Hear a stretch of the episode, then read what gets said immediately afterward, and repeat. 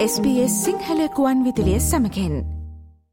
SBS SBS SBS SBS SBS SBS Radio. බෝට්ටු මගින් ඕස්ට්‍රේලියාවට එන එක නීති විරෝධි ක්‍රියාවක්. සෑහෙන කාලකට පස්සේ නැවතත් අපිට මේ ගැන ආරංචි වනේ පහුගිය සිකුරාද දවසෙදි. මෙම පුවත සතියන්තයේ ඕස්ට්‍රේලියයානු මාධ්‍යවල බෙහෙවින් කතා බහට ලක්වුණා. මේ පිළිබඳ ඔස්ට්‍රේලියයානු දේශපාලන පක්ෂ දක්වන ප්‍රතිචාර මොනවාද යන්න පිළිබඳ තොරතුරු අද අපගේ කාලීන තොරතුරු විග්‍රහය හරහා ඔබට ගෙන එන්න සූදානම්.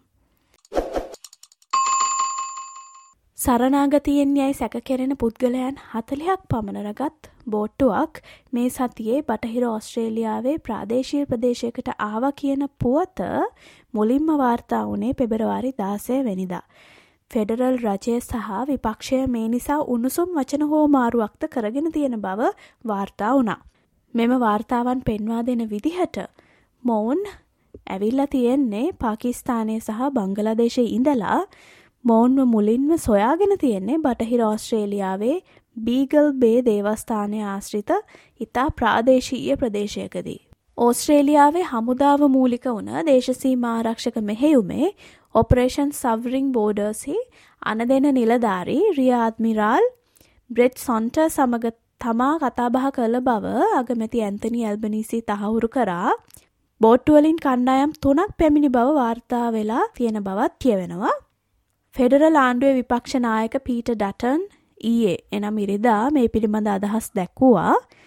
ඇන්තනි ඇල්බනිසි කිසි විටකත් ඔපරේෂන් සවරින් බෝඩර්ස් මෙහිවුමට සහය පල කළේ නැති බව තමයි ඔහු පැවසුවේ. පහුගි අයවෑන් ඩොල මිලියන හයසීයක් දේශසීමා බලකායන් සහ ඔපරේෂන් සවරින් බෝඩර්ස් වෙත අගමැතිවරයා ලබාගෙන ඇති බවත් ඩටන් පෙන්වා දුන්නා. ඔවුන් බලයේ සිටි කාලයේ සිදුව ආකාරයටම දැන් සෝදිසි කිරීම් සිදු කරන්නේ දැයි ඔහු නොදන්නවායයි පවසමින් ඔහු දිගින් දිගටම අගමැතිවරයාගේ දේශසීම ආරක්ෂාව සම්බන්ධ පෞද්ගලික වාර්තාවට පහර එල්ල කළා. The fact is that Anthony Albanese has never believed in Operation Sovereign Borders. He has always fought hard against it. We know that in the last budget, uh, on a cumulative basis, $600 million has been taken from Border Force and from Operation Sovereign Borders. As the Australian Border Force Commissioner points out, they are stretched, and I don't know whether the same level of surveillance is being undertaken as was the case when we were in government, but it's inconceivable that these boats would get through without being detected.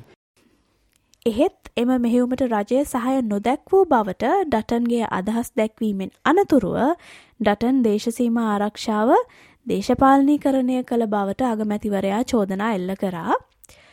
Dutton ඔස්ට්‍රේලියානු ජාතික අවශ්‍යතාවලට බලපානදේ ගැන උනන්දු නොවන බවත් සුපුරුදු පරිදි දේශපාලනය ගැන පමණක් උනන්දු වන බවත් අගමැතිවරයා අවධාරණය කළා. Peter Dutton is uh, someone who is showing uh, with his overblown rhetoric and with his overreach on this issue, showing that he's not interested in outcomes or in the Australian national interest. As usual, he's just interested in politics. Rear admiral Brad සොන්ට මේ ගැන අදහස් දක්වමින් පවසල තියෙන්නේ මෙම සරනාගත පැමිණීම් පිළිබඳ නොයෙකුත් අර්ථකතන ඉදිරිපත් වෙන්න ගන්න එක නිසා ඕන්ව මිනිස් ජාවාරම්කරුවන්ගේ සූරා කෑමට ලක්වෙන්නට හැකියාව ඇති බවයි. නමුත් විපක්ෂය ආරක්ෂක ප්‍රකාශක ඇන්ඩරු හස්ටි සහ නැශනල්ස් පක්ෂ නායක ඩේවිට් ලිටල් ප්‍රව් ඇතුළු විපක්ෂයේ සාමාජිකයන් පැවසුවේ මේ පුවත දේශසීම ආරක්ෂාව සහ දේශසීමා හමුදා අරමුදල් සම්බන්ධයෙන් රජය ඉතා දුර්වල තැනක ඉන්නවා කියන එක පැහැදිලිව පෙන්නලා දෙනවා කියලා. ෆෙඩරල් සංවේදන අමාත්‍ය මිෂෙල් රොලන්ඩ් රජයේ වාර්තාවට පක්ෂව කියා සිටියේ ඔපරේෂන් සවරීන් බෝඩර්ස් මෙහෙවුමේ හිටපු ආණ්ඩුව යටතේ හඳුන්වා දුන්න දා සිට එය ඒ ලෙසටම ක්‍රියාත්මක වන බවයි. එහෙත් ෆෙඩරල් විපක්ෂනායක ඩටන් පවසන්නේ මෙහෙයුම දැන් ක්‍රියාත්මක වෙන ආකාරය ලිබරල් පක්ෂය යටතේ සිදුවූ ආකාරයට කිසි සේත් සමාන නොවෙන බවයි. ආණ්ඩුව ටෙම්පරි ප්‍රොටෙක්ෂන් වීසා බලපත්‍රය අහෝසි කරා ඒ වගේම ඔපරේෂන් සවරින් බෝඩර්ස් මෙහෙවුමෙන් මුදල් ලබාගත් බව තමා දන්නා බව විපක්ෂනායක ඩටන් කියා සිටියා ඒ නිසා අගමැතිට ඔස්ට්‍රේලියානු ජනතාවගේ මුහුණ බලාගෙන ඔපරේෂන් සවරින් බෝඩර්ස් මෙහෙයුම ක්‍රියාත්මක වන බව අවංකව පවසන්නට නොහැකි බවත් ඔහු මේ විදිහට ප්‍රකාශ කළා. We know that temporary protection visas have been abolished, and we also know that they've ripped money out of Operation Sovereign Borders. So the Prime Minister can't look the Australian people in the eye and honestly tell them that Operation Sovereign Borders is operating as it did under a coalition government. And this is another example of a train wreck policy from this government. ඕස්ට්‍රේලියාවේ බටහිර වෙරළ තීරයට පැමිණි අනවසර සංක්‍රමණික බෝට්ටු ප්‍රධාන භූමියෙන් පිටතට රැගෙන යන බවට දැනට සැක පල කෙරෙනවා කියලත් වාර්තාවල සඳහන් වෙනවා. අනවසර සංක්‍රමණිකයන් හතලිස් දෙනෙක් පමණ එක්ක නාවුරු අයිලන්ඩ යාලයින්ස් ගුවන්්‍යානයක් බෝට්ටු මුලින්ම පැමිණි බ්‍රූම් වලින් පිටත් වෙලා දාසයවෙනිදා අලුයම නාවුරුවල රැඳවුම් මධ්‍යස්ථානයක් වෙත පැමිණි බව ABC මාධ්‍ය වාර්තා කරලා තියෙනවා. බටහිර ඕස්ට්‍රේලියාවේ කම්කරු පක්ෂ අග්‍රාමාත්‍ය රොජකුක් පවසා තියෙන්නේ මෙම සිද්ධිය සම්බන්ධයෙන් තමා චකිතයක් ඇතිකරගන්නෙන් නැති බවයි නමුත් ප්‍රදේශයේ ආරක්ෂක අවධානම ගැනත් ඔහු අවධානයෙන් ඉන්න බව පෙන්වා දුන්නා. මෙය මූලික වශයෙන් ෆෙඩරල් රජය විසින් විසදිය යුතු කරුණක් නමුත් බටහිර ඔස්ට්‍රේලියාවේ වයඹ වෙරළ තීරය කෙත්තරම් අනාරක්ෂිතව නිරාවරණය වෙලාද කියන දේත් කුක් පෙන්වල දුන්න මේ නිසා එම වෙරළ තීරය ආසන්නේ පිහිටි දීවර කර්මාන්තය ආරක්ෂක පහසුකම් සහ අනෙකුත් යටිතල පහසුකම් ආරක්ෂා කිරීමත් රජයේ වගකීමක් බව කුක් ප්‍රකාශ කර සිටියා.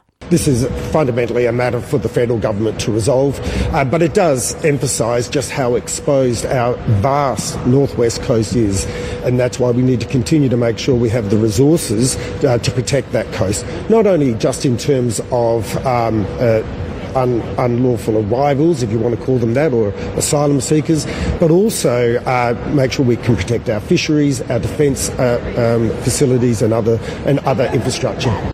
Family සරණාගතයන් නැවත හරවායවා ඇති බවට රජය තහවුරු කර නැත. නමුත් ස්වදේශ කටයුතු අමාත්‍ය ක්ලයා ඔනිල් පවසන්නේ ස්වෛරී දේශසීමා මෙහෙයුම සඳහා රජයේ කැපවීම ඉතා ස්ථාවර ලෙස පවතින බවයි. ඇය තවදුරටත් පවසන්නේ තමන් අමාත්‍ය දූරයට පත්වනාට පස්සේ අනවසරෙන් ඕස්ට්‍රේලියාවට එන්න උත්සාහ කරන සියලු දෙනාට සිද්ධ වනේ නැවතත් ඔවුන්ගේ රටට හෝ නවුරුදු පත්වලට අපහු හැරිලා යන්න කියලයි. එය ඔවුන්ගේ දහස් ගණන් ඩොල නාස්තිකර ගැනීමක් සහ ජීවිත අවධානමට ලක්කර ගැනීමක් බවත් ඇය ප්‍රකාශ කර සිටියා. අග්‍රමාත්‍ය ඇල්බනීසි පවසල තියෙන්නේ දේශසීමා බලධාරීන්ගෙන් ළඟදීම ඒ පිළිබඳ නව තොරතුරු මහජනතාවට බලාපොරොත්තු විය හැකි බවයි. ඒ වගේම ඔහු පවසනවා මේ වන විට ස්වෛරී දේශසීමා මෙහෙයුම ක්‍රියාත්මක වෙමින් පවතින බව සහ ස්වෛරී දේශසීමා මෙහෙයුමේ අන දෙන නිලධාරයා ඉතා දැටි ලෙස දැක්වූ අදහස් ඇල්බනීසි නැවත පෙන්වා දුන්නා ඒ දේශපාලනඥයන් ජාතික ආරක්ෂාව දේශපාලනීකරණය කර නොගැනීමේ අවශ්‍යතාවය පිළිබඳ සඳහන් කරමින්. Operation Sovereign Borders uh, is being implemented.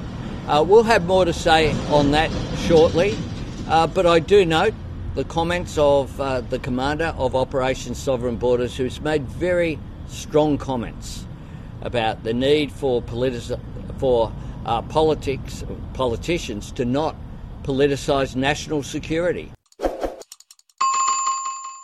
ඕස්ට්‍රේලියාවේ අලුත්ම තොරතුරු SBS සිංහල සේවය විසින් දෛනිකව ගෙනන කාලීන තොරතුරු ගුවන් විදුලි විග්‍රහයෙන් සජීවීව අපි ඔබ වෙත ගෙනෙනවා පසුව සවන් දෙන්නට sps.com.au/ සිංහල යන අපගේ වෙබ් අඩවියේ ඉහත තීරුවේ ඇති මාතෘකා යන කොටස කලික් කොට කාලීන ලෙස නම් කොට ඇති වෙබ් පිටුවට පිවිසන්න.